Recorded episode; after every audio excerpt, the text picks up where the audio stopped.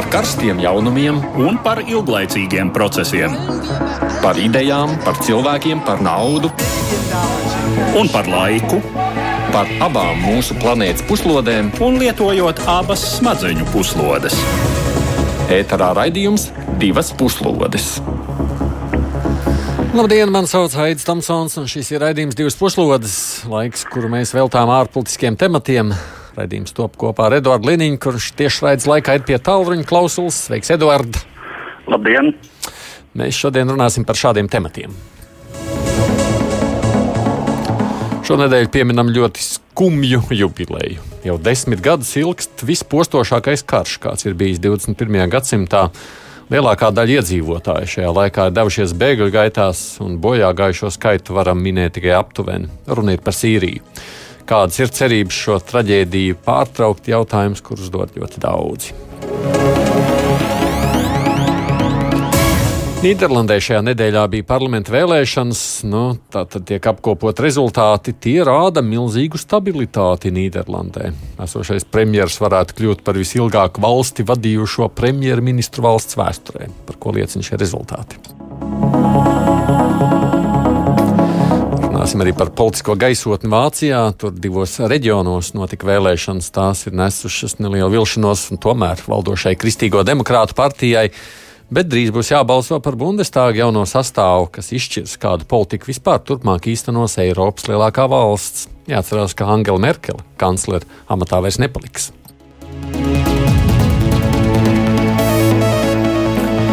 Taču, ņemot vērā pēdējās dienas notikumus ASV un Krievijas attiecībās, mums ir jāsāk ar to. Tādēļ šī iemesla dēļ raidījuma beigās būs tikai pāris īsās ziņas. Bet vispirms Eduardas sarūpētais faktu apkopojums. Diplomātiskās pārstāvniecības vadītāja, vēstnieka vai sūtņa atsaukšana uz konsultācijām starptautisko attiecību praksē lielākoties tiek izmantota kā demonstratīvs protesta žests. Vakar šādu soli spēra Krievija, atsaucot savu vēstnieku Savienotajās valstīs Anatoliju Antonovu. Kā definēja Krievijas ārlietu dienesta informācijas un preses departamenta direktore Marija Zaharova, Antonovs atgriežas Maskavā, lai apspriestu situāciju abu valstu attiecībās un to tālāko virzību, kuras, kā viņa uzsvēra, nonākušas strupceļā Savienoto valstu vainas dēļ. Notikušā tiešais iemesls diezgan nepārprotami ir prezidenta Džo Baidena izteikumi vakardienas intervijā telekanālam ABC, kurā viņš uz raidījuma vadītāja Džordža Stefanopula jautājumu, vai Krievijas prezidents Vladimirs Putins ir slepkava, atbildēja apstiprinoši un paziņoja, ka Putinam nāksies maksāt par Krievijas iejaukšanos pēdējo prezidenta vēlēšanu norisē. Kā zināms, 16. martā tika publiskots Savienoto valstu izlūkdienestu apkopojošs ziņojums, kurā secināts, ka Krievijas spēcdienesti veikuši ietekmes operācijas nolūkā veicināt Donalda Trumpa atkārtotu ievēlēšanu. Notikušais ir kārtējais trieciens divpusējām attiecībām, kuras nesen jau iedragājušas Savienoto valstu sankcijas pret vairākām Krievijas amatpersonām, reaģējot uz opozicionāra Aleksija Navaļnija saindēšanu un vēlāko ieslodzīšanu cietumā. Dara atcerēties, ka jautājums par Krievijas vadoņa slepkauniecisko dabu Amerikas publiskajā telpā neizskan pirmo reizi. To pašu kanāla Fox News raidījuma vadītājs Bills Oreilijs uzdeva toreizējam prezidentam Donaldam Trumpam, kurš atbildēja: Pasaulē ir daudz slepkavu, mums arī tādi ir.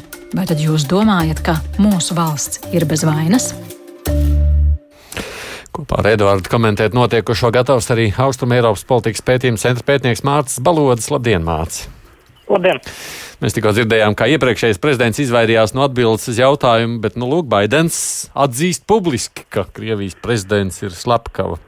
Par ko tas liecina? Es domāju, zināmā mērā tas pats par sevi nav nekāds pārsteigums. Um, ja ņemam vērā gan līdzinējo Krievijas un Rietumu un Krievijas un ASV attiecību, attiecību vektoru, Un tad tā skaitā arī ASV iekšpolitiskos apsvērumus un Krievijas iejaukšanos um, vēlēšanu procesā, ko Krievija ir mēģinājusi kaitēt gan Demokrātiskajai partijai, gan pašam Baidenam personīgi. Um, tādā kontekstā arī tiksim, šādas Baidena izteikumus nebūtu nav pārsteidzoši. Un arī, ja paskatāmies uz Krievijas pēdējo gadu rīcību, ar iejaukšanos citu valstu iekšlietās un arī savu politisko oponentu indēšanu un citiem uzbrukumiem, tas paziņojums savā ziņā saturiski nav arī, nav arī varbūt tik, tik nekorekts. Eh, forma gan ir neierasta. Jo, proti, viens kodolvalsts līder, līderis, uh, otrs kodolvalsts līderis nosauc par slepkavu. Bet es domāju, arī šeit Baidens, um, Baidens uh, uz šādu soli ir gājis apzināti, uh, ņemot vērā to, ka Krievijā pastāv uh, personības kults, Putina personības kults. Um, savulaik um, Vjačslavs Volodins izteicās, ka Putins tā ir Krievija. Uh, Um, tādā, tādā ziņā Putins zināmā mērā ir pat tāda sakrāla figūra Krievijā. Un mhm. es domāju, ar to Baidens skaidri, skaidri liek noprast, ka viņš, um, ka viņa vadībā ASV neies uz tādu vienpusēju piekāpšanos un uz tik samierniecisku pieeju, kāda tā varbūt bija raksturīga Obamas laikā. Jo, teiksim, Obama mūsdienu Krievijā vērtē kā drīzāk vāju prezidentu starptautiskajās attiecībās, kurš novilka sarkanās līnijas un tad nebija gatavs tās um, teiksim, nebija gatavs reaģēt situācijā, kad sarkanās līnijas tika pārkāptas. Un tādā kontekstā es domāju, arī Baidena apgalvojums, ka, ka Krievijai būs jāatbild par, par iejaukšanos ASV iekšpolitikā, ir tieši vērsts uz to, ka, ka viņš ir gatavs ieturēt stingrāku līniju un, un, un viņš prasīs atbildību no Krievijas katrā gadījumā. Mm -hmm. Edvards, ko tu domā, kā, ko tas nozīmē valstu, abu valstu attiecībās? Nu, tas nozīmē droši vien to, ka tiešām Krievijai bija iemesls vēlēties, lai Trumps tiktu pārvēlēts prezidenta amatā, jo uh, šī Trumpa agrākā atbilde un vispār zināmā uh, Trumpa fascinācija sastopoties starptautiskajā arēnā ar šiem stiprajiem, respektīvi nu, tātad,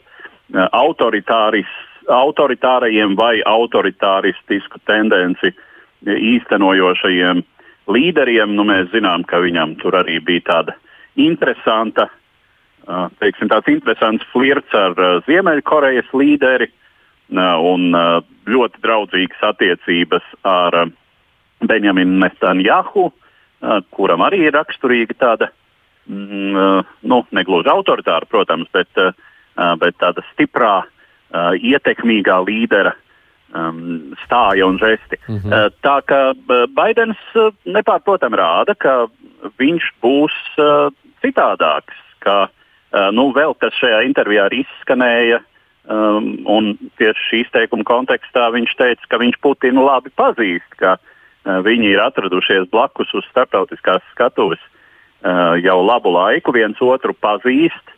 Uh, kā viņš izteicās, ir ļoti svarīgi zināt, ar ko tev ir darīšana. Uh, nu, tā burtiski, kā viņš teica, kas ir tas vecis, ar kuru tu uh, esi uh, tā sacīt, um, kontaktā. Uh, nu, angļu apzīmējums gai. Mm. gai ja? uh, kurš, kurš ir tas cilvēks? Vai? Uh, un, um,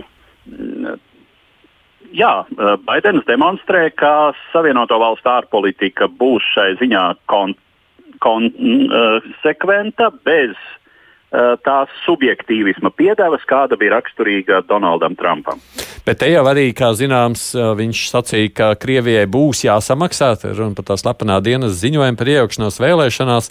No viss saka, tās varētu būt ticamāk kādas nākamās sankcijas. Māc, kā jums šķiet, par ko te varētu būt runa, ko tad tālāk Krievija, ASV varētu darīt?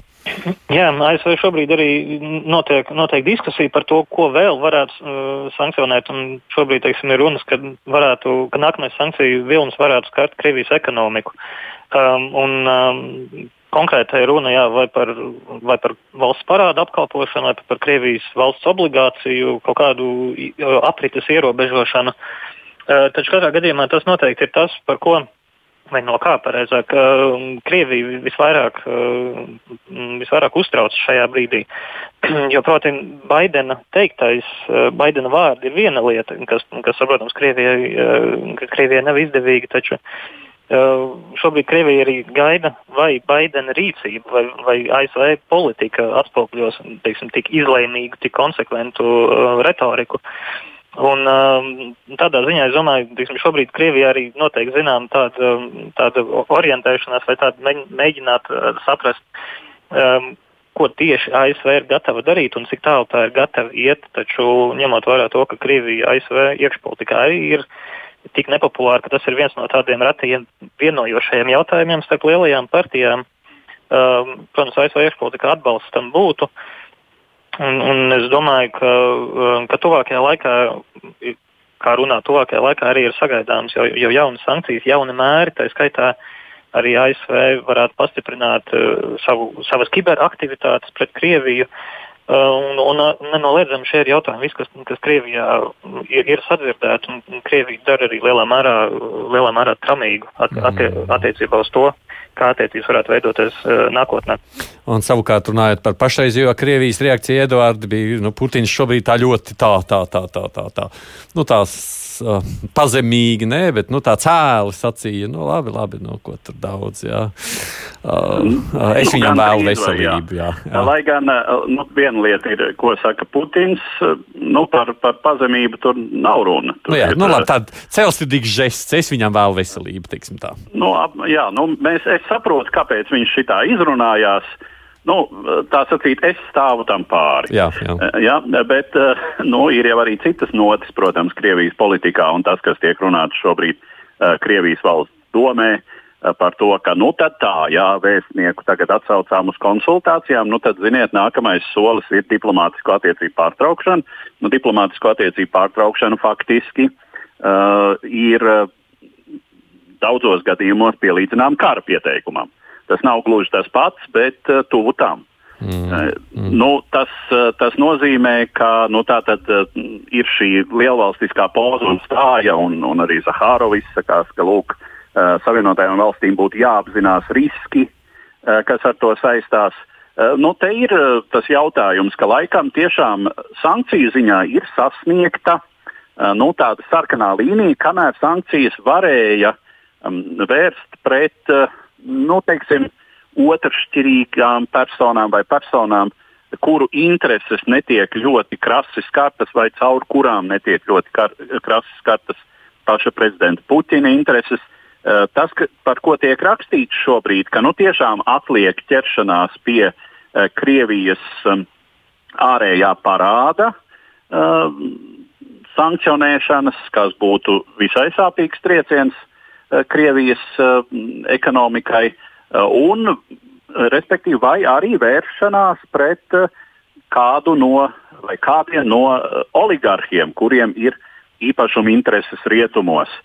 Un šie cilvēki varētu būt tie, kuri nu, varētu teiksim, savukārt izdarīt, iespējams izdarīt spiedienu Tāpat uz Vladimiru Putinu. Putinu. Nu, vienīgais tāds jāpiebilst šo, ka te jau mēs zinām arī paša Aleksēna Navaļnī līdzgaitnieki ir aicinājuši šādā veidā tās sankcijas pieteikt, kā tie notikumi attīstīsies. To jau mēs, protams, redzēsim. Bet mums ir ļoti saspringta programma, daudz ko gribam pārnāt. Tāpēc es saku paldies jums par šo tādu pirmo ātro ieskatu, kas notiek ar Krieviju un ASV attiecībām pēc šiem te vakardienas paziņojuma. Austrum Eiropas politikas pētījuma centra pētnieks Mārcis Balods bija pie klausulas. Paldies jums, Mārcis! Paldies! Mēs šodien arī pieminam vienu ļoti tādu bēdīgu jubileju, desmit gadu kopš kara sākšanās Sīrijā, tāpēc tagad vispirms neliels faktu apkopojums.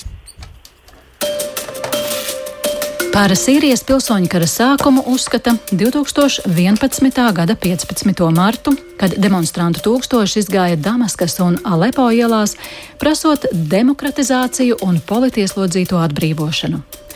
Prezidenta Bašara Asada autoritārā režīma represijas izraisīja tikai vēl straujāku protestu eskalāciju, protesti pārauga nemieros, sacēlušos pusē pārgāja daļa bruņoto spēku un valstī sākās pilsoņu karš. Sākotnēji šķita, ka Asada režīma dienas ir skaitītas, taču etniski un reliģiski neviendabīgajā valstī pilsoņu karš drīz kļuva līdzīgs visu cīņai pret visiem.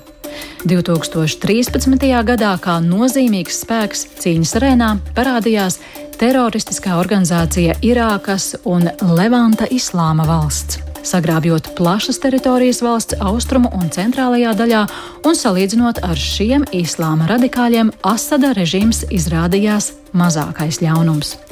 Cīņa pret teroristu pasludināto kalifātu kalpoja par leģitīmu iemeslu Krievijas plašai militārai iesaistei valdošā režīma pusē. Kremlim Sīrija kļuvusi par vienu no ģeopolitisko ambīciju īstenošanas laukumiem, dalot šeit ietekmes sfēras ar Sīrijas kaimiņu valsti Turciju, kura arī pēdējā desmitgadē tiecas pēc reģionālas lielvalsts pozīcijām. Turcija daļai atbalsta Sīrijas opozīciju, taču cenšas nepieļaut kurdu etniskās minoritātes pašnoteikšanās tieksmes Sīrijas ziemeļos un ziemeļaustrumos. Savienoto valstu vadītās koalīcijas spēki aktīvi darbojās Sīrijā kopš 2014. gada, pamatā apkarojot islāma kalifātu, bet vēršot triecienus arī pret Sīrijas valdības spēkiem gadījumos, kad tie uzbruka amerikāņu sabiedroto pozīcijām. Tomēr prezidenta Trumpa administrācijas politika pēc tā sauktā kalifāta sakāves 2019. gada pirmajā pusē bija orientēta uz amerikāņu klātbūtnes samazināšanu, dodot lielāku rīcības brīvību Asada režīmam, Krievijai un Turcijai.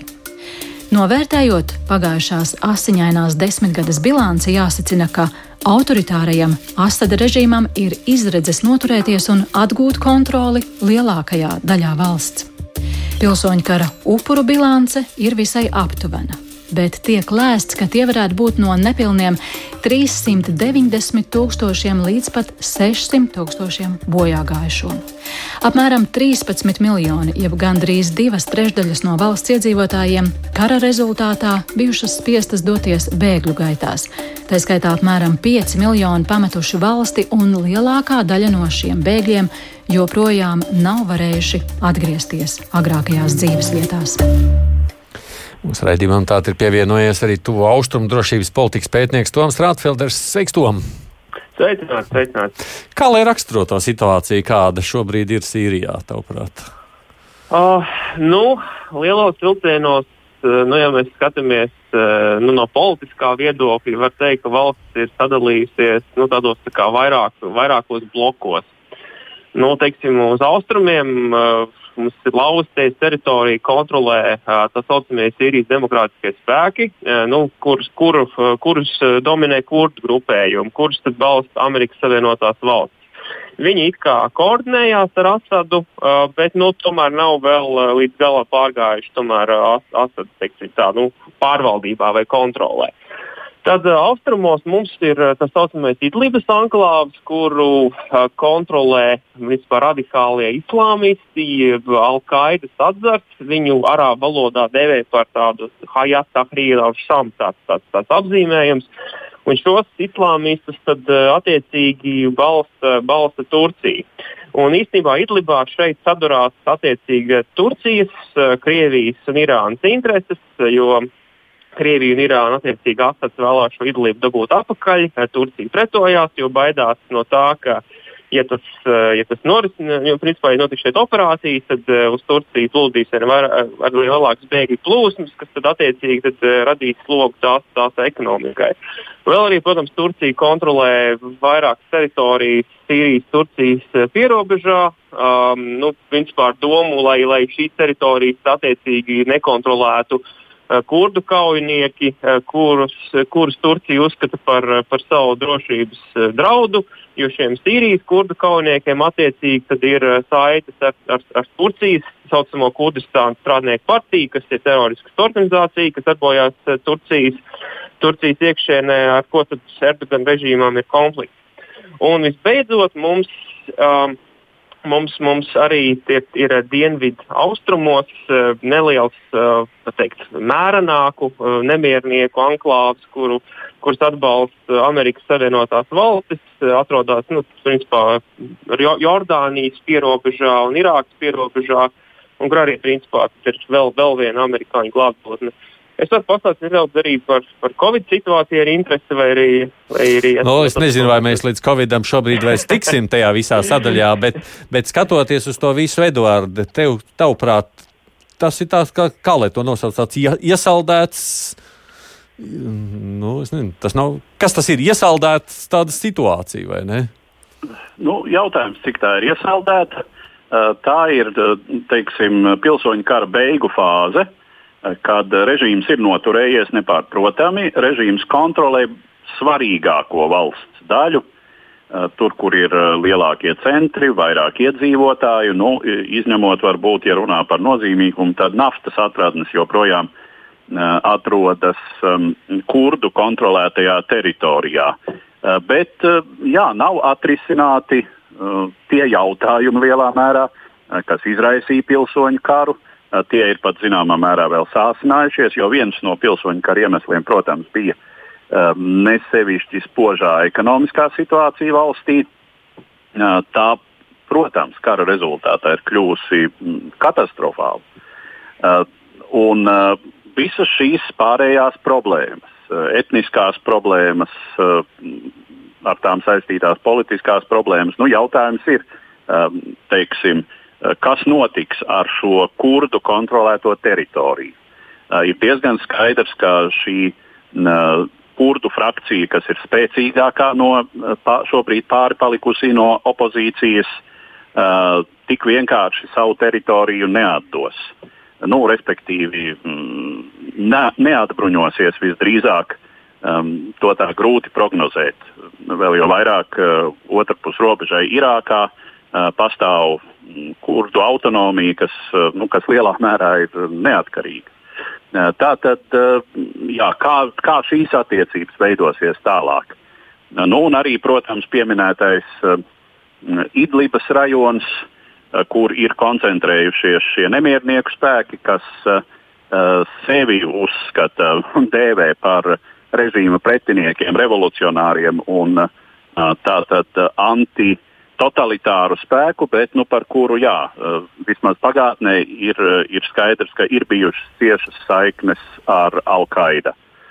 Un arī Savienotās valstis šos grupējumus lielākoties pieskaita, pieskaita teroristiskām organizācijām. Mm. Nu, jā, tā tad. Jā. Spriežot pēc tādas politiskās loģikas, diezin vai Asada režīms ir gatavs, lai situācija tāda paliktu uz ilgu laiku. Uh, tas nozīmē, ka tātad uh, samierināties ar to, ka tomēr pietiekami nozīmīga valsts daļa atrodas ārpus valdības, ārpus režīma kontrolas. Nu, jā, bet te jau ir tas cilvēciskais aspekts. Mēs esam arī mums ir vēl šobrīd pievienojusies raidījumam Latvijas televīzijas žurnālisti Ina Strasdiņa. Sveicināti, Ina! Sveiki, Aidi, sveiki, kolēģi! Mēs runājam par to situāciju, kāda ir šo desmit gadu laikā veidojusies Sīrijā, bet nu, tur jau taču nu, jau ierakstā skanēja, cik daudz devušies bēgļu gaitās. Un, kā, cik ilgi vispār tā var ekonomiski vilkt valsts, tavuprāt? Tur taču ir dramatiski tā situācija, tu tur esi bijusi.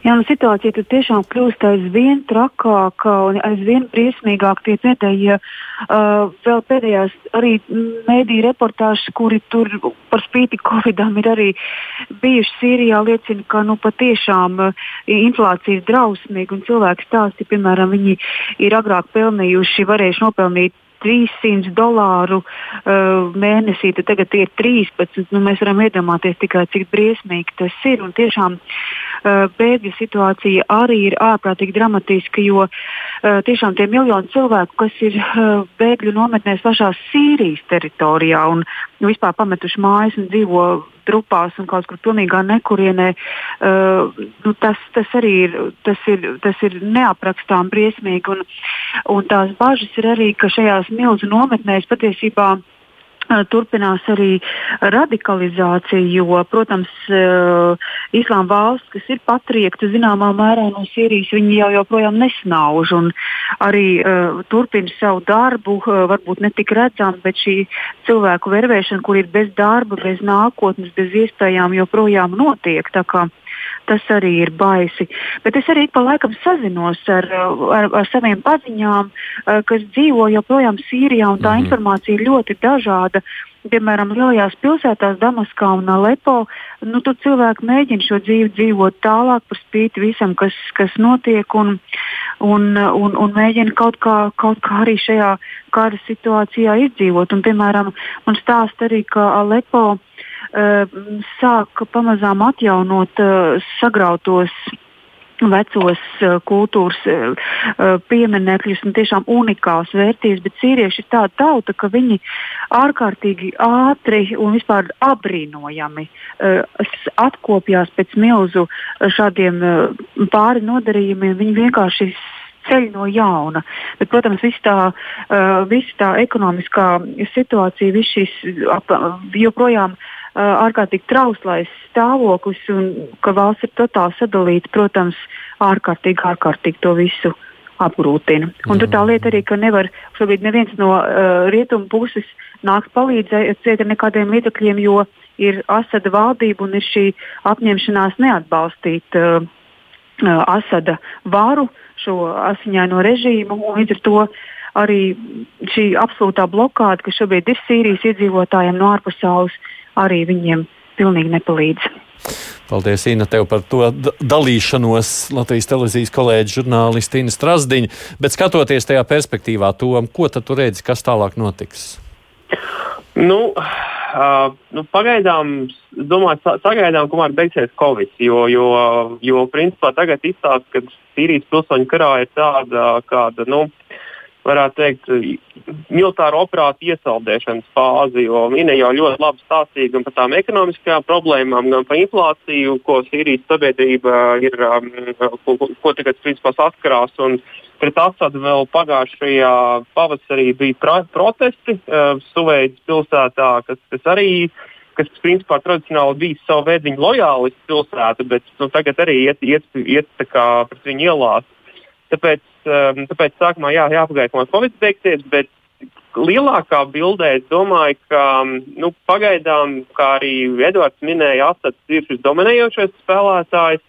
Sīrijas konfliktā, un es domāju, ka viņš tomēr spiedīs uz to, lai tomēr um, viņa kontrole atgrieztos uh, tomēr visas Sīrijas teritorijas. Vai tas notiks diplomātiskā ceļā, vai tas notiks militārā ceļā, nu, nu, to mēs redzēsim. Bet nu, katrā gadījumā mēs noteikti nevaram izslēgt, ka jaunas kaut kādas militārās sadursmes varētu būt. Kas atkal nozīmētu jaunas, iespējams, gan dramatisks kadrus, gan arī bēgļus atkal jaunas. Ne? Nu, jautājums, nu, tur ir diezgan liela specifika. Protams, jā, jāstāsta, nu, teiksim, Idlibas provincē, kur ir diezgan liels blīvums. Uh, tur noteikti, ja, varē, ja būs kaut kādas jaunas militāras operācijas, tad bēgļi varētu būt jauni. Par to arī teiksim, Turcija diezgan, diezgan ļoti, ļoti baidās. Uh, bet tā, man liekas, mums jāizvērtē konkrēti, kur notiek šīs militārās operācijas, un tad mēs varam do, domāt, vai, vai teiksim, varētu būt jauni bēgļi, vai arī tieši iekšēji pārveidotas personas, vai, vai tam līdzīgi. Edvards, vēl tā pavisam īsi. Lūdzu, tu gribēji teikt, ko? Nē, nu es gribēju arī faktiski teikt to pašu, ka um, tas uh, potenciālais bēgļu uh, daudzums salīdzinoši ar to, kas līdz šim ir bijis, ir, ir neliels. Un šeit tiešām uh, Uh, problemātiska ir šī Idlibas province, kur ir koncentrējušies uh, arī tiešām daudzi, kuri, uh, kuri ir visnesamierināmākajā opozīcijā režīmam. Attiecīgi, jā, nu, Turcijas bažas ir pamatotas, ka tur vēl varētu būt vairāki simti tūkstošu ja, bēgļu, ja Asad režīms mēģinātu šo teritoriju atgūt ar bruņotu spēku. Mm. Vai tas notiks, kā tas notiks? Nu, uh, Te nu ir, te, te, te nu ir, ir liels jautājums. Pie tam nu, es neņemos īsti šobrīd spriest un prognozēt, kā turpmāk rīkosies Sīrijā Savienoto Valstu valdība. Vai Baidena administrācija centīsies aktīvāk iesaistīties, šai ļoti sarežģītajā konfliktā. Nu, visdrīzāk jau, protams, ka uh, Amerikas sabiedrībā tas uh, nav sevišķi populāri. Mm. Ah.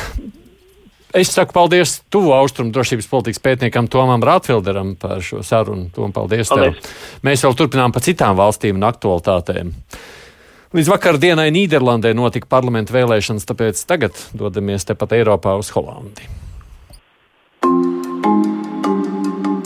Vakar vakarā noslēdzās trīs dienas ilgušās Nīderlandes parlamenta jeb ģenerāla štatu apakšpalātas vēlēšanas. Ilgadējā premjerministra Marka Rites kabinets tās sagaidīja demisionējušas valdības statusā pēc tam, kad 15. janvārī atkāpās reaģējot uz tā saucamo bērnu pabalstu krāpšanās skandālu. Skandāls sākās 2018. gadā, kad publiski izpaudās informācija par to, ka Nīderlandes nodokļu un muitas administrācija nepamatoti apsūdzējusi apmēram 26 tūkstošus ģimeņu bērnu pabalstu izkrāpšanā, liekot atmaksāt saņemtās pabalstu summas. Bija gadījumi, kad prasītā pabalstu atmaksāšana noveda ģimenes nopietnās finanšu grūtībās. Par spīti šai priekšvēsturei viss liecina, ka valdošās koalīcijas pozīcijas kopumā šais vēlēšanās nav cietušas, un nākamās valdības politiskās aprises varētu būt līdzīgas iepriekšējam Marka Ritas kabinetam.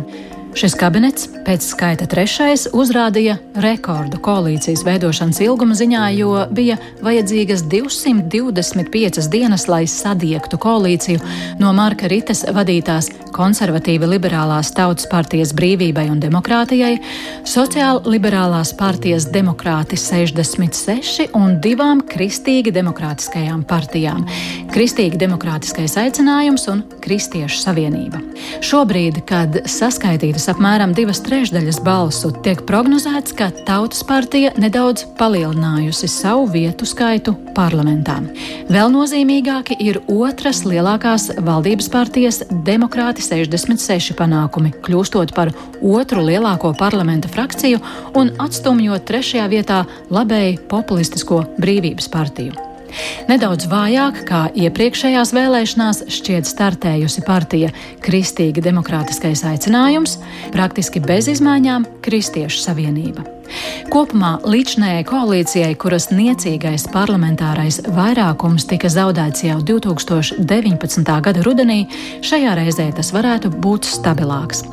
Galvenie šo vēlēšanu neveiksnieki līdzās brīvības partijai ir nozīmīgu kritumu piedzīvojušie zaļie, kā arī sociālisti, kuri acīm redzami turpina lejupslīdi pēc katastrofālā zaudējuma iepriekšējās vēlēšanās 2017. gadā. Divas puslodes!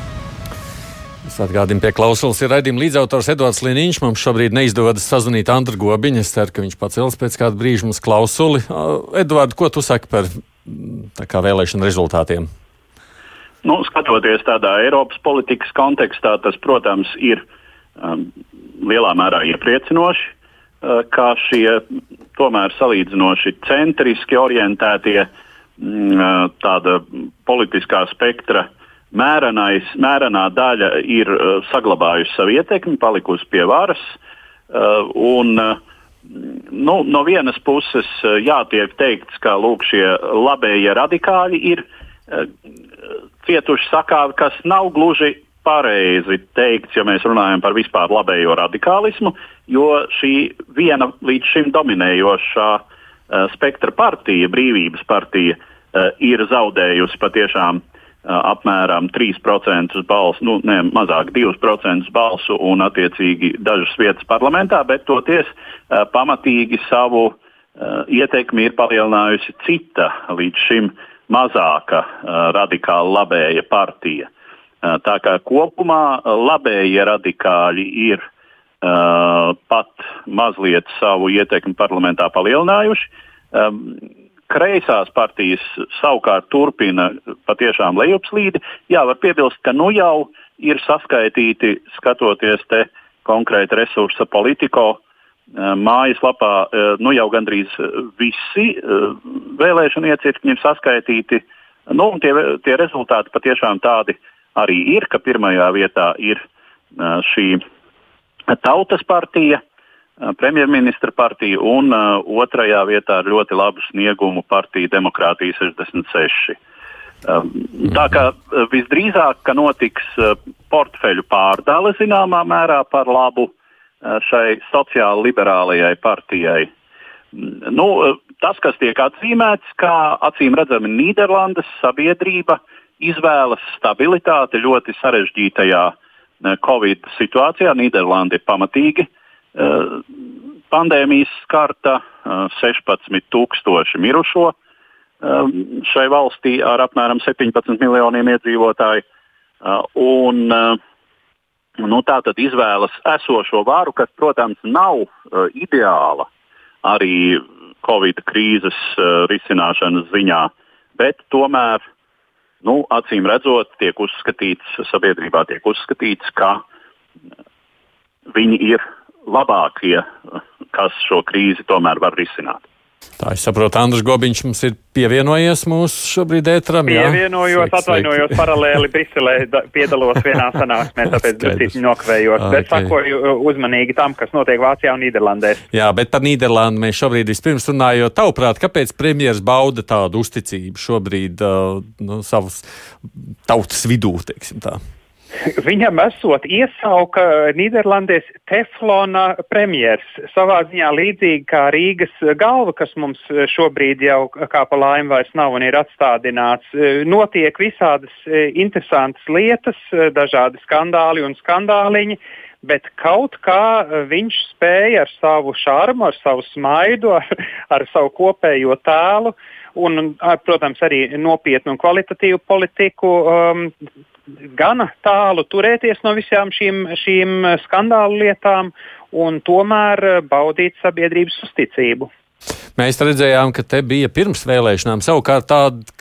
Nu, teiksim, tā jauniešu grautiņa faktiski nevienu nakti vien pēc kārtas. Ja. Pandēmija tajā visā stāstā ir ietekmējusi, vai tā arī bija vēlēšana tāda ietekme? Uh, Tur droši vien ir abi divi sasaistīti, jo mēs redzam, savā ziņā ir gan iekšze, nu, valstīs, e, valstu iekšienē, gan arī no āras. Dažādi musinātāji, kas diezgan mērķiecīgi cenšas radīt nemiera iespaidus un, un arī šāda veida, teiksim, ar visādām viltu ziņām un ar, ar pretvakcinēšanās un vēl visādiem mītiem un, un tādām uh, teorijām cilvēkus satracināt, samusināt, un tas kombinācijā to, ka cilvēki patiešām ir, ir noguruši un pārguruši un pamatot pārguruši un, un noguruši no visas pandēmijas, bet kombinējot to ar visām šīm ziņām, daži uzķerās, eh, daži mērķiecīgi cenšas šo uzkurināt visu vēl. Un tādējādi šīs eh, ainas veidojās. Mums jau Latvijā arī tā bija Daugamalā, kur daudz cilvēku, arī nopietni cilvēki, pēkšņi Daugamalā uh, piketē par, eh, par to, lai, lai, lai likvidētu Covid, bet nu, Covid jau neļaujās tā ar, ar piketu apstādināties. Mm. Ja skatāmies uz kopējo situāciju, Edvards, tā politiskā aina tagad Nīderlandē būs vēl stabilāka, jo nu, nevarētu jau teikt, ka tur ir tāda ļoti uh, nu, liela stabilitāte bijusi. Nu, kāpēc? Jā, premjerministrs Rīta ir premjerministrs jau desmit gadus. Jā, bet te pašā laikā to partiju tur vai ne? Pat ierakstā pats bija veidojis tās nu, valdības stelēšana, nemaz tik viegli nenāca. Jā, protams, bet nu, jā, es, es neesmu tik zinošs Nīderlandes uh, iekšpolitikā, lai spriestu par to, kāpēc tas tik ilgi gāja.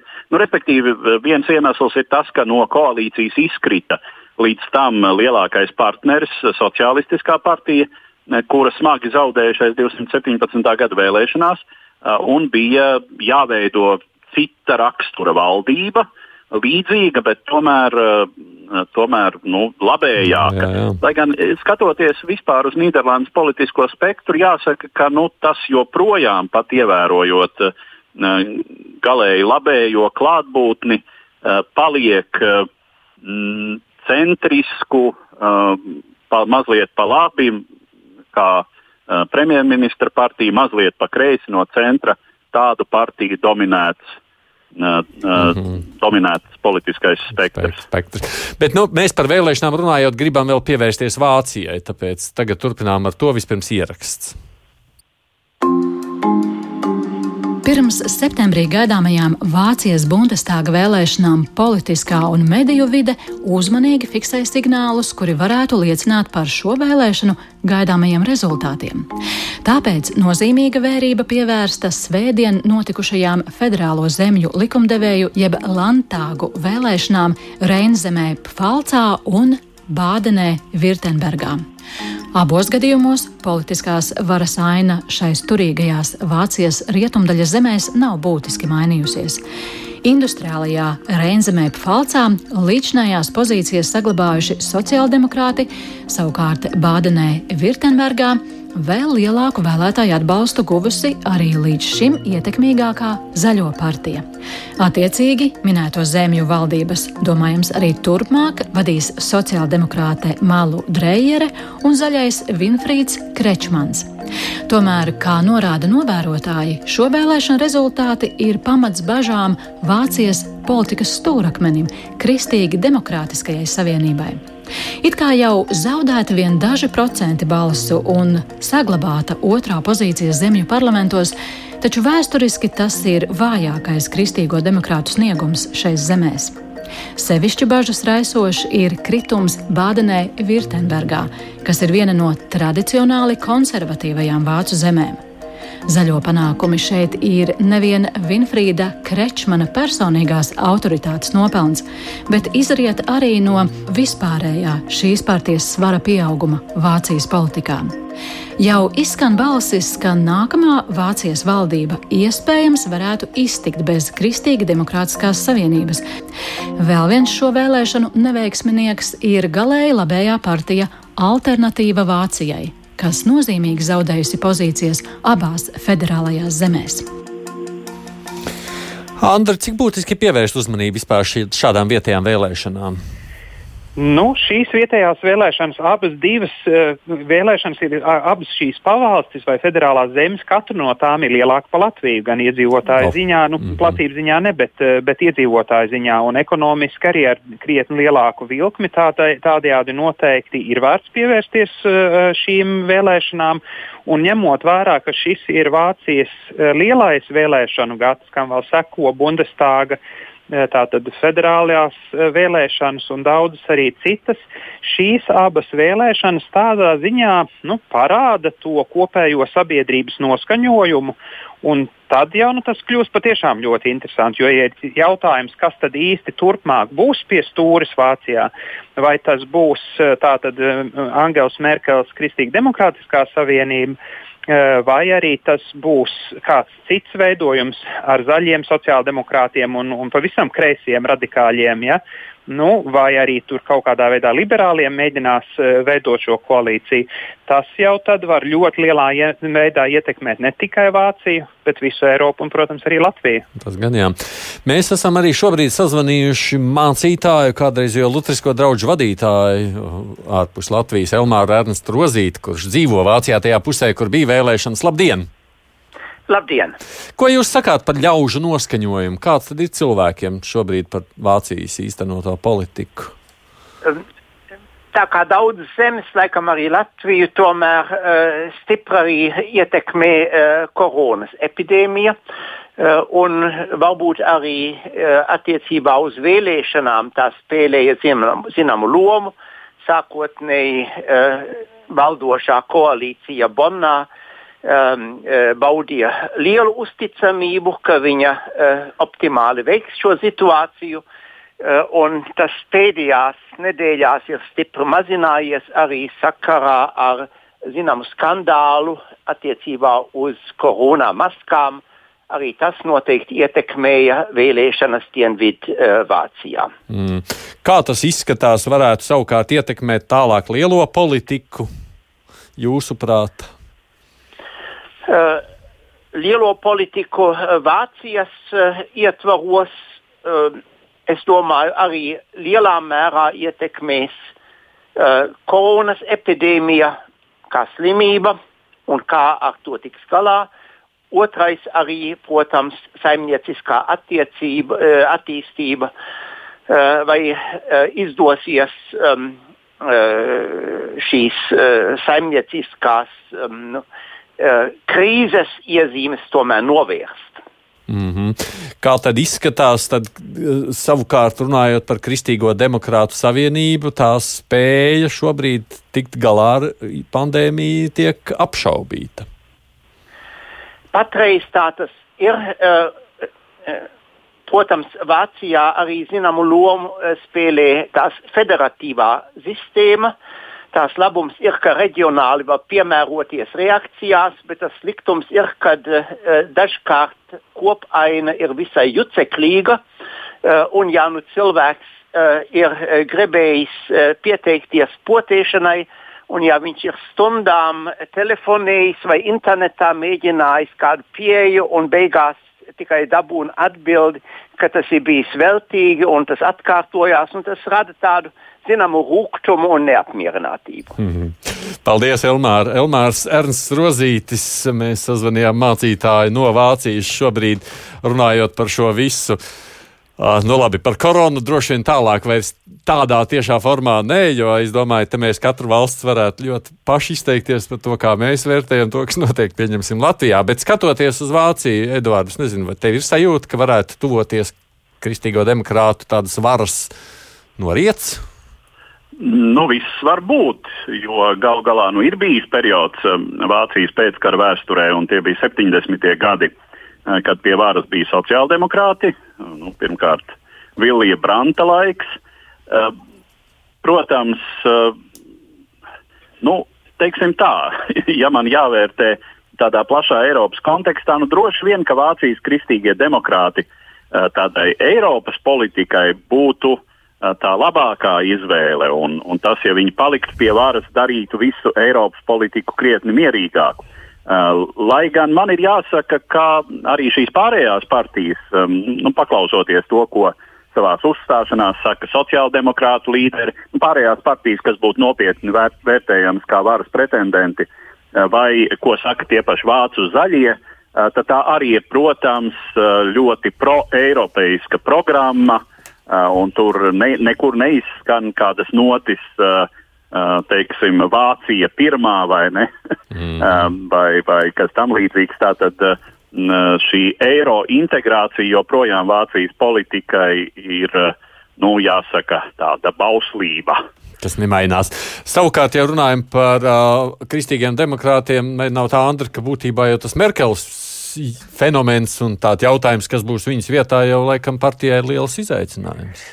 Tieši tā, un tur arī notiek aizkulisēs liela cīņa starp diviem uh, lieliem potenciāliem kandidātiem. Viens, kas ir CDU, tātad lielās uh, Angels Merkels partijas uh, jaunievēlētais vadītājs. Šobrīd viņš arī vada Ziemērēnas Vestfāles uh, federālo zemi. Uh, Eh, un otrs, kas ir Bavārijas eh, federālās zemes, eh, oficiāli ne nominēts kā kandidāts, bet visu laiku ar diezgan augstiem reitingiem.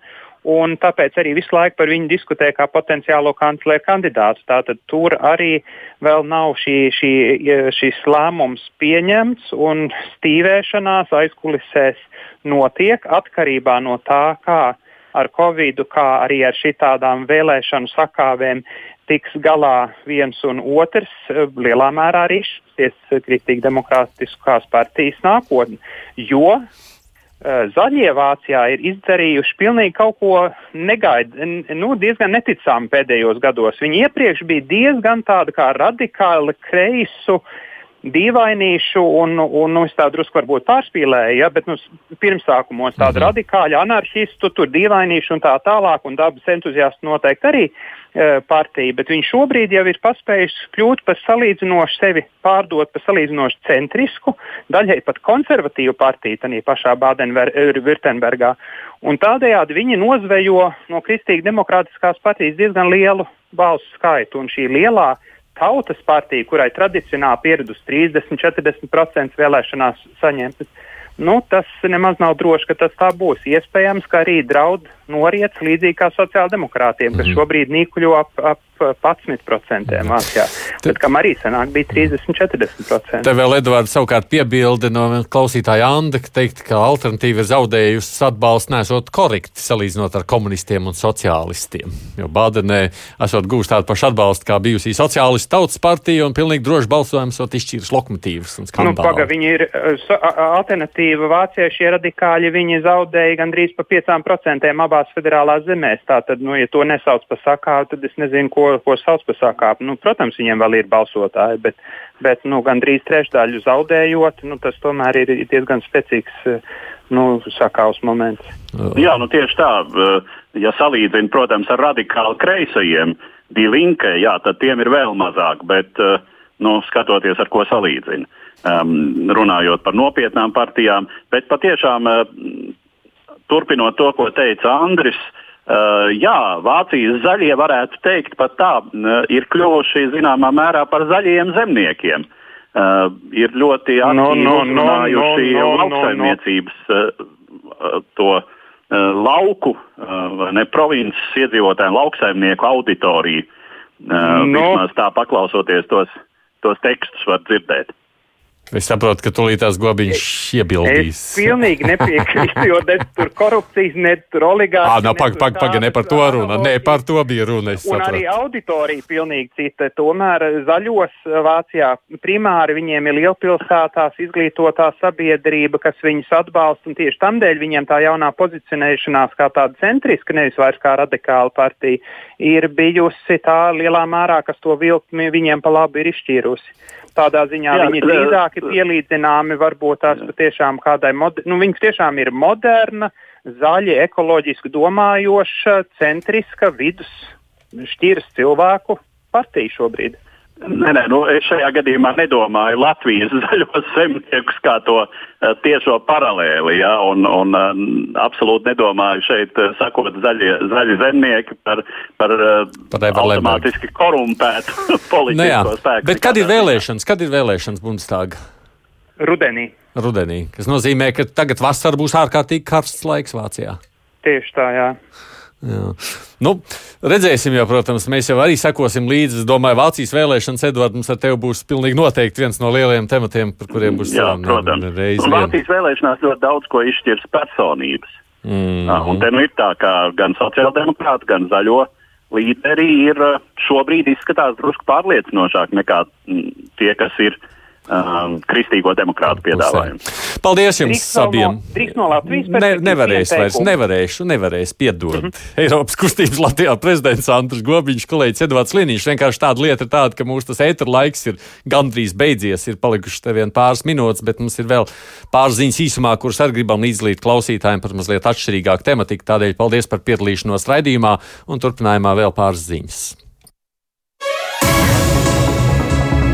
Ne tikai Latvijā tiesai ir ietekme uz politiskiem procesiem, seksuālo minoritāšu tiesību nodrošināšanā. Vēl krasāk tas ir redzams Japānā. Tur trešdien Sapporo tiesa nolēma, ka vienzimuma laulība neatzīšana Japānā ir nekonstitucionāla. Vairāk nekā desmit vienzimuma pāru 2019. gadā bija iesnieguši prasības tiesā, pieprasot, lai valdība atzīst vienzimuma laulības. Tagad ir nolasīts pirmais spriedums. Tajā ir noraidīta prasība par kompensāciju, taču norādīts, ka vienzimuma laulība aizliegums ir nekonstitucionāls.